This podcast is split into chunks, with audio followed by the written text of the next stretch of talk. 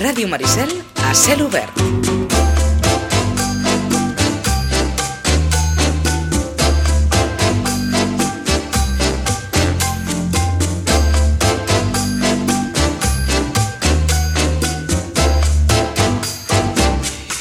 Sis de setembre, 37a setmana del llibre en català. Fins al 15 de setembre, a l'Avinguda de la Catedral de Barcelona, a veure si ho dic bé, a l'Avinguda de la Catedral de Barcelona, entre dos quarts d'onze del matí i les 9 hi ha temps per veure de tot en aquest punt de trobada entre lectors, llibreries, editorials, revistes que editen en català. Ve un setembre carregat de... Vaja, carregat de novetats i carregat de bones recomanacions, entre elles les que ens va deixar la Rosana el darrer dia. Els diem, per exemple, un portal web molt maco per tots aquells que vulguin tenir notícies de, de llibres i és un portal que també atorga un premi. Un premi per un llibre que ens va recomanar al seu dia la Rosana i que s'ha convertit en un dels llibres més virals per als lectors. Una novel·la, Aprendre a parlar amb les plantes. La novel·la de Marta Oriols ha aconseguit el novè premi Illa dels llibres, que és aquest portal web per si volen allò, alguna, alguna recomanació que, que valgui la pena i notícies sobre, sobre autors i sobre llibres, sobre novel·les, l'Illa dels llibres. Surt avui al carrer. Home, potser sí que algú encara s'interessa en intentar escriure bé el català. Doncs avui surt al carrer la gramàtica bàsica i d'ús de la llengua catalana. L'Institut d'Estudis Catalans proposa aquest manual per ajudar-nos a escriure millor el català. Algunes de les novetats que aniran sortint aquests dies. Rosana, bon dia. Hola, molt bon dia. Home, que encara pugui sortir una gramàtica bàsica i d'ús de la llengua catalana i sigui una novetat anunciada, ja té un què, això, eh? Sí, té un què, té un què. La veritat és que té un què i, i, i, i fins i tot eh, jo crec que hi ha gent interessada i que, saps, perquè ja han vingut a preguntar-ho. Per tant, sí que és veritat que dius, ja té un què, això, Encara, eh? Ro Rosana, encara hi ha esperança. Sí, sí, sí, jo quan faig aquestes coses penso encara bé, vinga, vinga doncs, eh? eh? Encara hi ha esperança. Eh? Encara hi ha esperança. Eh? Digue'ns alguna cosa d'una novel·la molt maca que ens va recomanar ja en el seu dia, que es va fer viral i que també serà protagonista aquests dies, que és Aprendre a parlar amb les plantes. Sí, és uh, una novel·la que els lectors, jo m'incloc, eh? Sí, Vull i servidor també. quan es- Sí, sí, vull dir, quan la llegeixes et quedes allò propers de, de la...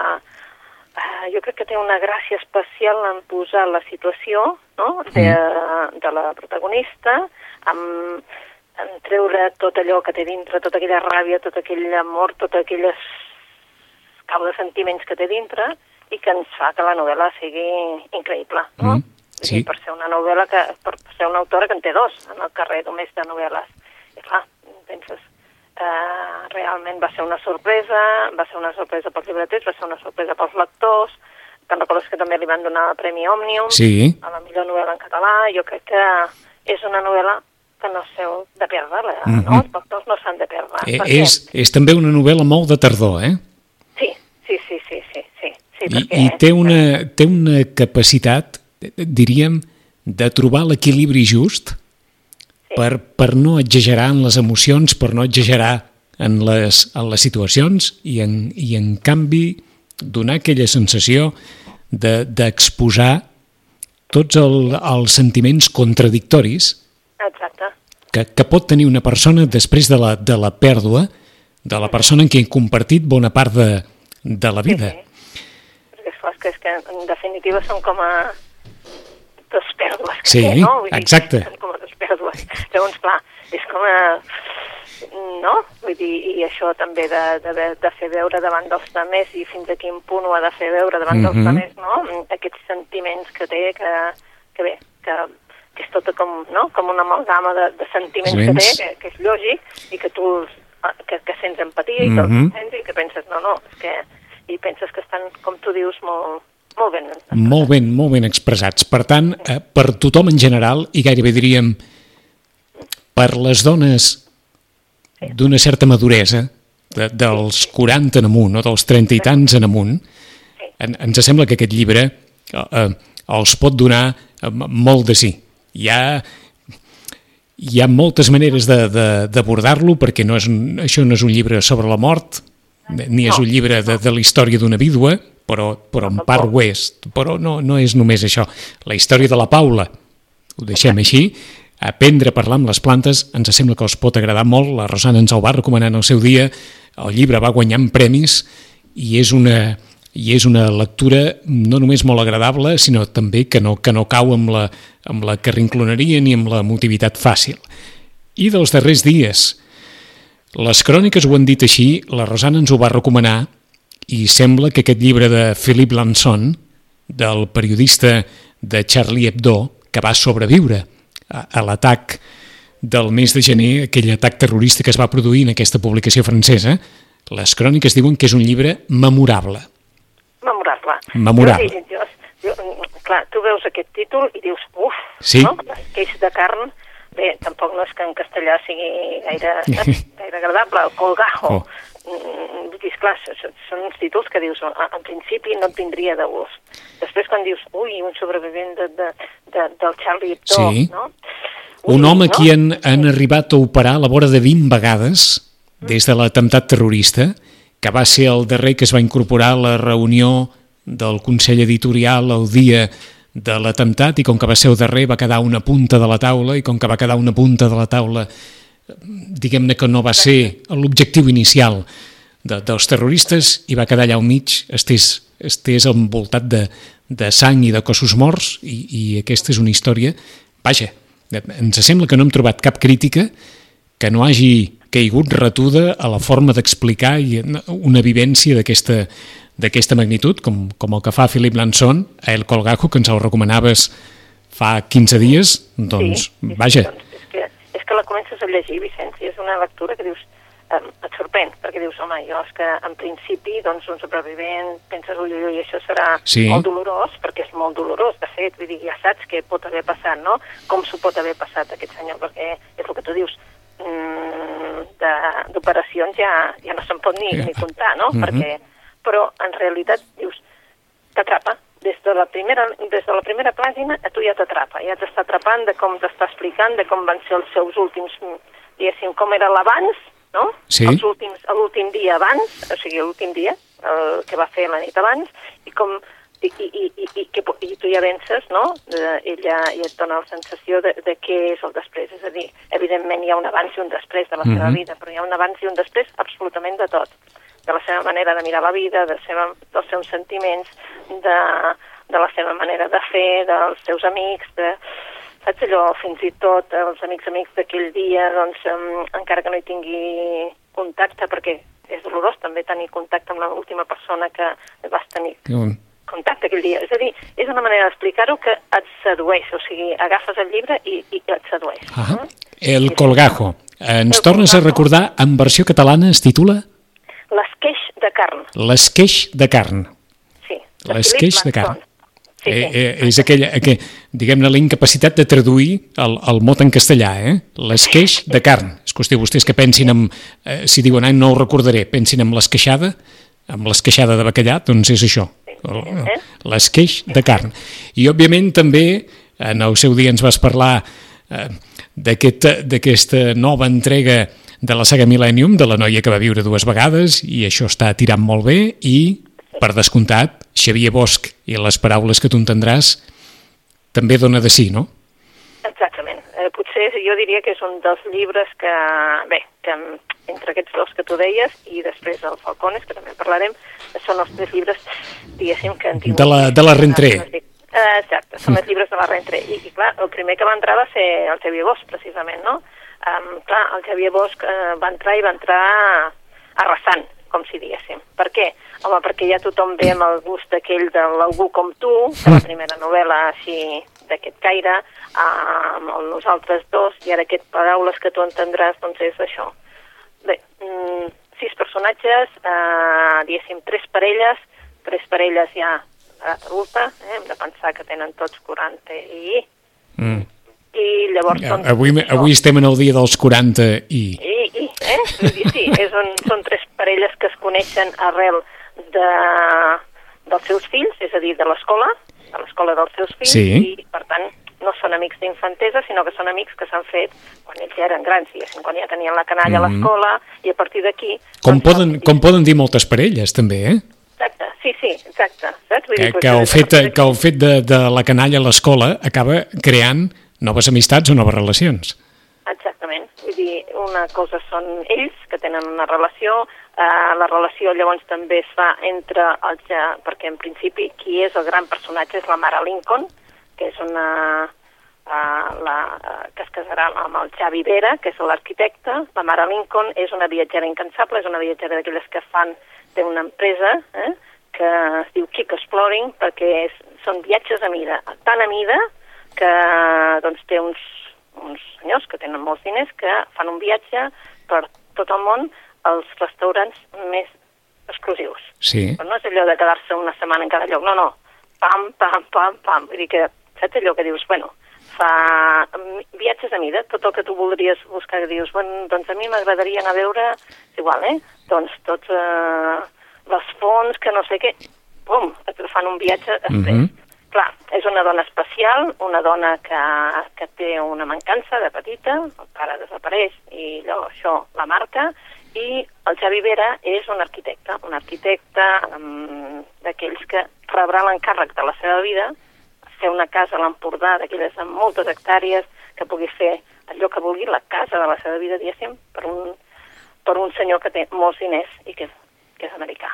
De fet, eh, clar, aquest encàrrec també ell, ell decideix que eh, la Joana, que és l'altre personatge, mm, casada amb un, amb un eh, advocat, que també són l'altra parella, diguéssim, la Joana és paisatgista, i llavors això que no té res a veure amb el fet de, de posar flors, sí, eh? sinó paisatgista. Llavors, Sí. clar, l'ajudarà, um, i aquí hi ha doncs, el tema de la monogàmia, de la infidelitat, de la fidelitat, mm, del fet d'estar amb una parella molts anys, uh, de les complicitats, de les no complicitats o de les veritats a mitges, és a dir, són sis amics que es trobaran cada any, sobretot per uh, entre any es troben, uh, els tres es troben, els tres homes es troben en un gimnàs, dos d'ells sobretot, en un gimnàs, que un dijous al mes, i així aniran fent, però en realitat el tema és això, no?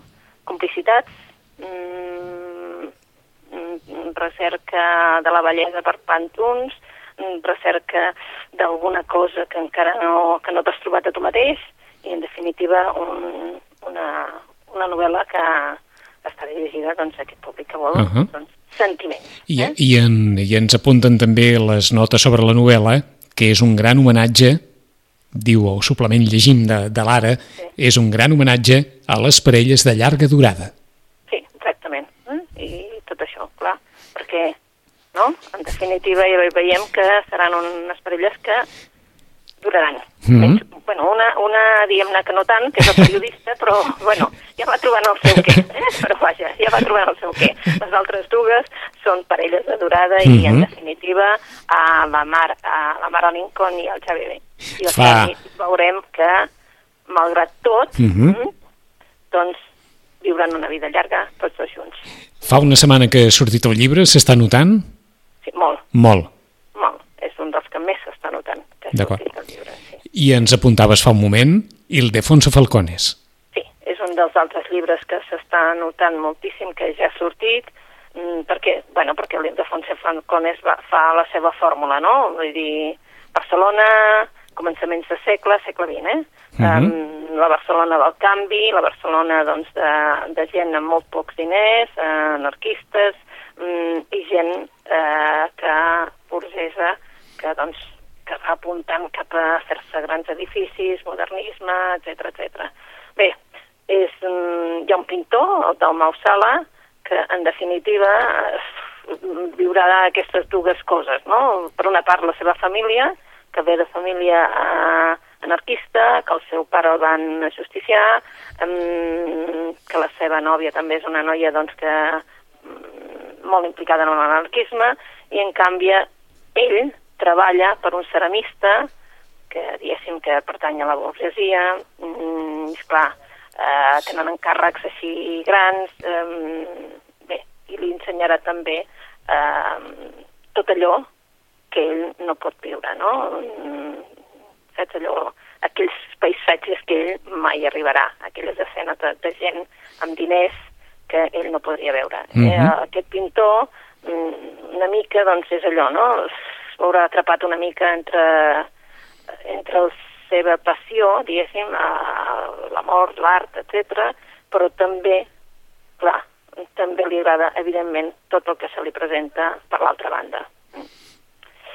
És una, una novel·la de Barcelona, una novel·la en la que, com sempre, ella emplea aquesta fórmula i, bé, els lectors que se l'estan llegint els està agradant molt, clar. Uh -huh. Han passat, sembla mentida, eh? 13 anys des de la Catedral del Mar. Sí, 13 anys, eh? Vull dir que entremig algunes que... No? Vull dir, Sí. Dues novel·les més, però... Dos, tres novel·les més. No, però, en no. definitiva... Tampoc, eh? tampoc sé si pels, pels lletraferits Falcón és arribat a entrar en, en aquella categoria dels, dels autors, dels novel·listes. No. No. No, no, no, no, no. no. Està en un altre rànquing i, i de fet, mm, bé, ja ho saps que ell, ell aplica una fórmula que, que, que està bé, vull dir, però que en definitiva en lletra ferits no crec que agafin gaire el Falcone. El Falcones. Ell explica fa res, fa tres dies el, el suplement del magazín digital de La Vanguardia, i aquesta és una, una derivada que molt probablement sortirà més d'una conversa amb, amb Ildefonso Falcones. Ell diu que ha escrit El pintor de almas, que és el nom de la novel·la, amb càncer. La va començar estant bé de salut i l'ha acabat, diu, en quimioteràpia. Quan teclejava, i em continua passant, diu en el suplement, sentía como mil alfileres clavados en las yemas de los dedos. Es una secuela de la quimio, un hormigueo permanente en las manos y en los pies. Es tremendo que escribir te dé esos calambrazos. Ell diu amb, amb veu alta que no sabrà o que no sap, a hores d'ara, si el càncer el deixarà escriure més. Però El pintor de almas és una novel·la que va començar amb el seu autor en plena salut i acabat amb el seu autor amb quimioteràpia, una novel·la que, com deia la Rosana fa un moment, eh, se situa en un entorn meravellós, en aquesta Barcelona del modernisme, quan s'estaven construint alguns dels edificis que avui identifiquen eh, la ciutat. En aquest entorn i en aquesta situació personal ha sortit el pintor de almas, que, com ens deia la Rosana, està sent ben rebuda per part de, vaja, de, no només dels seguidors de, de Falcone, sinó per als qui, especialment aquesta novel·la amb entorns històrics, els agrada sempre. Novetat, acabada de, de sortir, i un dels llibres també d'aquesta rentré. I si n'hem de recomanar més, Rosana, per on seguiríem? Bé, doncs eh, també ha sortit eh, amb una altra que no sigui novel·la. Tenim el Francesc Marc Álvaro, que acaba de treure, que avui surt, a l'assaig general d'una revolta. Ah. Les claus del procés català. Uf, Ah, també se'ns clar, també se'ns acosta Sí. tot el tema. Eh? Sí, sí. Acosta, eh? l'11 de setembre, eh, el Francesc Marc la- l'acaba de treure, eh, també ha sortit, eh, ha sortit en català en pòrtic i en castellà en Galàxia. uh -huh. Fèiem, fèiem aquest uf perquè, evidentment, això de les claus del procés català, eh, diguem-ne que, que s'afegeix a tota una llarga llista d'assajos Sí. sobre, tot, veja, el que, el que ha viscut Catalunya en els, en els darrers anys. Per tant, hem d'entendre que d'entrada no és tasca fàcil afegir-hi algun, alguna reflexió més o, o continguts que d'alguna forma o una altra no s'hagin exposat en algun moment, fins i tot pel, pel propi Francesc Marc Álvaro. Exacte, pel, pel, pel propi Francesc Marc, perquè, esclar, ell, doncs, eh, té, diguéssim, la columna en el diari, eh, doncs, el, el fet d'escriure, el fet de que fer moltes, eh, se'l convida a moltíssimes taules de, Mhm. i en moltíssimes conferències i, per tant, segurament moltes coses ja les ha pensades, no? Diguéssim, ja les ha posades Sí, en, sí, sí, sí.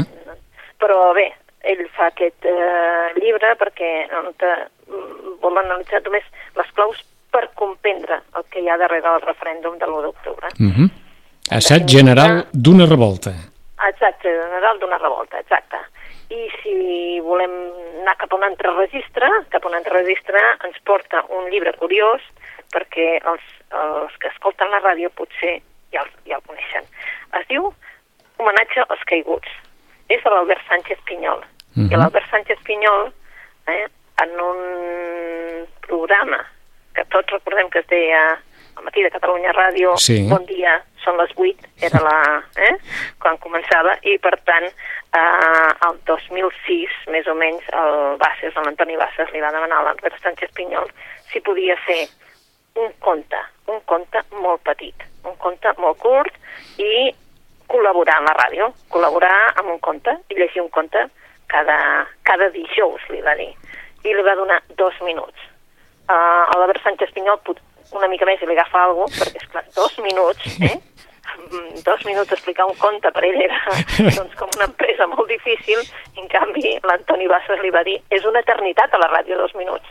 Doncs bé, uh, què ha fet el... què va fer ell? Pues, contes molt curtets, i en aquests contes molt curtets, ara Rosa dels Vents els ha posat tots en una... Clar, són 80 històries per llegir en dos minuts. Eh, clar, són contes molt curtets, però evidentment amb la gràcia de l'Albert Sánchez Pinyol, perquè ja sabeu que, malgrat tingui aquesta part, doncs, eh, eh, més aviat històrica, eh, del 1714, etc. Mm -hmm. és veritat que també té la part més novel·lística de la pell freda, o de, i que, la veritat, són contes eh? molt diferents d'un de l'altre, molt diferents, pot parlar-te dels nans del jardí, com el font d'alliberament, com qualsevol altra cosa. Um, bé, doncs, un llibre allò per llegir això, mm. estonetes, el homenatge als caiguts de l'Albert Sánchez Pinyol. Ho expliquen eh, la, les cròniques del llibre perquè el llibre s'il·lustra eh, amb, una, amb una gallina escapçada a, la, a la seva portada, i, i així ho diuen les, les notes del llibre, entre els anys 2006 i 2008, Albert Sánchez Pinyol va col·laborar en el programa Els Matins de Catalunya Ràdio d'Antoni Bassas amb un espai on explicava històries singulars que reflexionaven amb la ironia característica de l'autor de Victus sobre la vida. Com ens deia la Rosana, l'espai no podia superar els dos minuts i Sánchez Pinyol narrava històries com la del pollastre Mike, el que li van tallar el cap i no es va morir, o la jove que va caure des d'un avió a la selva amazònica. També narra les històries de personatges com Bobby Leach, que es va deixar caure per les cascades del Niàgara dins d'un barril de fusta, el fill de Tita Curta o en John Sutter, l'home que va ser o que va ser feliç fins que va trobar or. Segons destaca l'editorial, els relats ens fan pensar amb un somriure en les grans qüestions que mouen el món, des de la preocupació per la vida eterna fins als riscos de la política. El presentaran a la veu de ja, perquè el llibre em sembla que surt demà, no? El dia 5, em sembla. Sí, el dia 5, el dia 5, sí. I el presenten a la, a la... En aquesta setmana del llibre en català hi haurà moltes presentacions destacades, eh? Moltes. Moltes? Moltes vol dir moltes. Moltes. I fixes, n'hi ha hi ha un munt d'autors eh, català que, que, bueno, que, que no, ens, no ens hi caben aquí, però que, que realment han tret novel·la ara mateix. Eh? Uh -huh. El mhm. Santa Eulàlia, el Martí Domínguez, vull dir, saps allò que van apareixent, van apareixent, van apareixent, vull dir que dius, bueno, déu nhi la taula de català, perquè ja es nota que hi ha la setmana del llibre en català. D'acord. Què hi afegiríem més, Rosana? Doncs mira, eh, per exemple, hi podem afegir la Rosa Ribas, que és una autora de de novel·la, diguéssim, policiaca, però que aquesta vegada el publica a Editorial Tusquets per primera vegada i ens porta, evidentment, a Barcelona, mm -hmm. En un barri de Barcelona, eh, hi ha una agència de detectius, que és la de Mateo Hernández, que té, bueno, que està al barri de Sant Andreu. Eh? Um, el Mateo hi treballen els dos fills, el Marc i l'Amàlia, i un assistent, la Yala que aquest és el que s'encarrega dels treballs més brutets, diguéssim. Eh? Mm, també la dona del Mateu també hi col·labora de tant en tant, i esclar, mm, són un equip, diguéssim, com a molt, molt, la veritat, molt estrambòtic, per dir-ho d'alguna manera. Eh? Eh, però per què? Pues perquè també hi tenien eh, la seva filla gran, també de, de tant en tant també hi anava, i ara eh, aquesta filla doncs, ha desaparegut. Eh? Clar, és una preocupació que porten tots, i està, evidentment, no només, clar, erosiona la família, sinó també l'empresa, perquè, esclar, mm -hmm. com que mhm. són tot, tots hi estan lligats, doncs tot està una mica, doncs, eh, llavors, un, un bon dia, un, constructor eh, li encarrega al Mateo que trobi el seu fill, perquè ha desaparegut. Eh? I llavors eh, resulta que entre tots hi haurà vincles que inesperats, un passat que s'ha convertit, i la veritat és això, que és com que una història portarà l'altra i és un, la veritat que és una Barcelona que reconeixem, Um, I la veritat, es llegeix amb un traje no res, això Mhm. també us ho dic, eh? Un asunto demasiado familiar. És que anava a dir, aquest és un, un títol de novel·la d'Agatha Christie. Sí. eh? Un Sí, asunto demasiado familiar. familiar, sí, sí. Ella és una autora que potser no el sentia gaire, però la veritat és que mm, en té un munt de novel·les. Una bona colla, eh? Sí, sí, una, una, una bona colla. Però una bona colla. Sí, Sí, sí. Sobretot uh, uns que és, uh, saps, una, sèrie que, policiaca que és la, la Cornelia Weber, que era la, la investigadora, i la veritat és que um, durant anys ella ha estat escrivint novel·la i és d'aquelles persones que diríem que és més formigueta, és a dir, que la, la van coneixent els, els lectors de novel·la policiaca, però que en definitiva no és una autora que diguis, ostres, la definiries, no? No, no la trobaries a, en cap llista de- d'autores així policiaques que surtin als mitjans, no, però ella ha fet molta feina, la veritat, Mhm. i la coneixen. Eh? En què podem acabar, Rosana? Amb què podem acabar? Doncs pues mira, uh, no sé si en vam parlar d'una autora que es diu Rea Galanaki, No, autora grega, no? segur que no. No. Bé, Perquè, doncs- perquè no, d'entrada tampoc... va- Vaja, No, no dic, pot- dic no, segur no que no, coneixem perquè, perquè està clar que d'autores gregues jo diria que deu ser el primer cop, o dos. Eh? Vam parlar un, al seu dia d'un autor que va fer tot un seguit de llibres a l'entorn de la crisi a Grècia. Eh? Que no recordo ara el nom, però en el seu dia en varen parlar i em sembla que... Petros Marcaris. Ah, Però exacte. Ara, però ara ens ve una autora grega que nosaltres no en coneixem res, però ella allà fins i tot té el Premi Nacional de Literatura, per tant, mm, és una autora coneguda allà. Rea Galanaki ha estat traduïda per primera vegada al català amb l'última humiliació. I l'última humiliació, Tigre de paper, Sí. mm, aquesta editorial petitona i, i amb gràcia, eh, ens parla de mm, un any en concret, el 2008, eh? una crisi de les més grosses que s'han viscut a Europa en, en els últims anys perquè Grècia està immersa en una història de fallida econòmica. Eh? Evidentment, la catàstrofe social és mm, doncs, terrible perquè ja vam veure escenes com a bastant horroroses tots plegats. No? Um, ella va publicar aquesta novel·la el 2015 i ella el que fa és una radiografia de la crisi grega, però a través d'una novel·la, a través dels personatges de, més socials. I qui poden ser mm, els personatges més emblemàtics? Doncs dues dones jubilades. Mhm. Dues dones jubilades que, que, que evidentment doncs, es veuen empeses com aquell qui viu a, a la mendicitat. Els seus fills, eh, diguéssim, un serà anarquista, l'altre sembla que sigui neonazi, tenim de tot. Hi ha l'assistent social, que evidentment es dedica a la seva tasca però no té mitjans.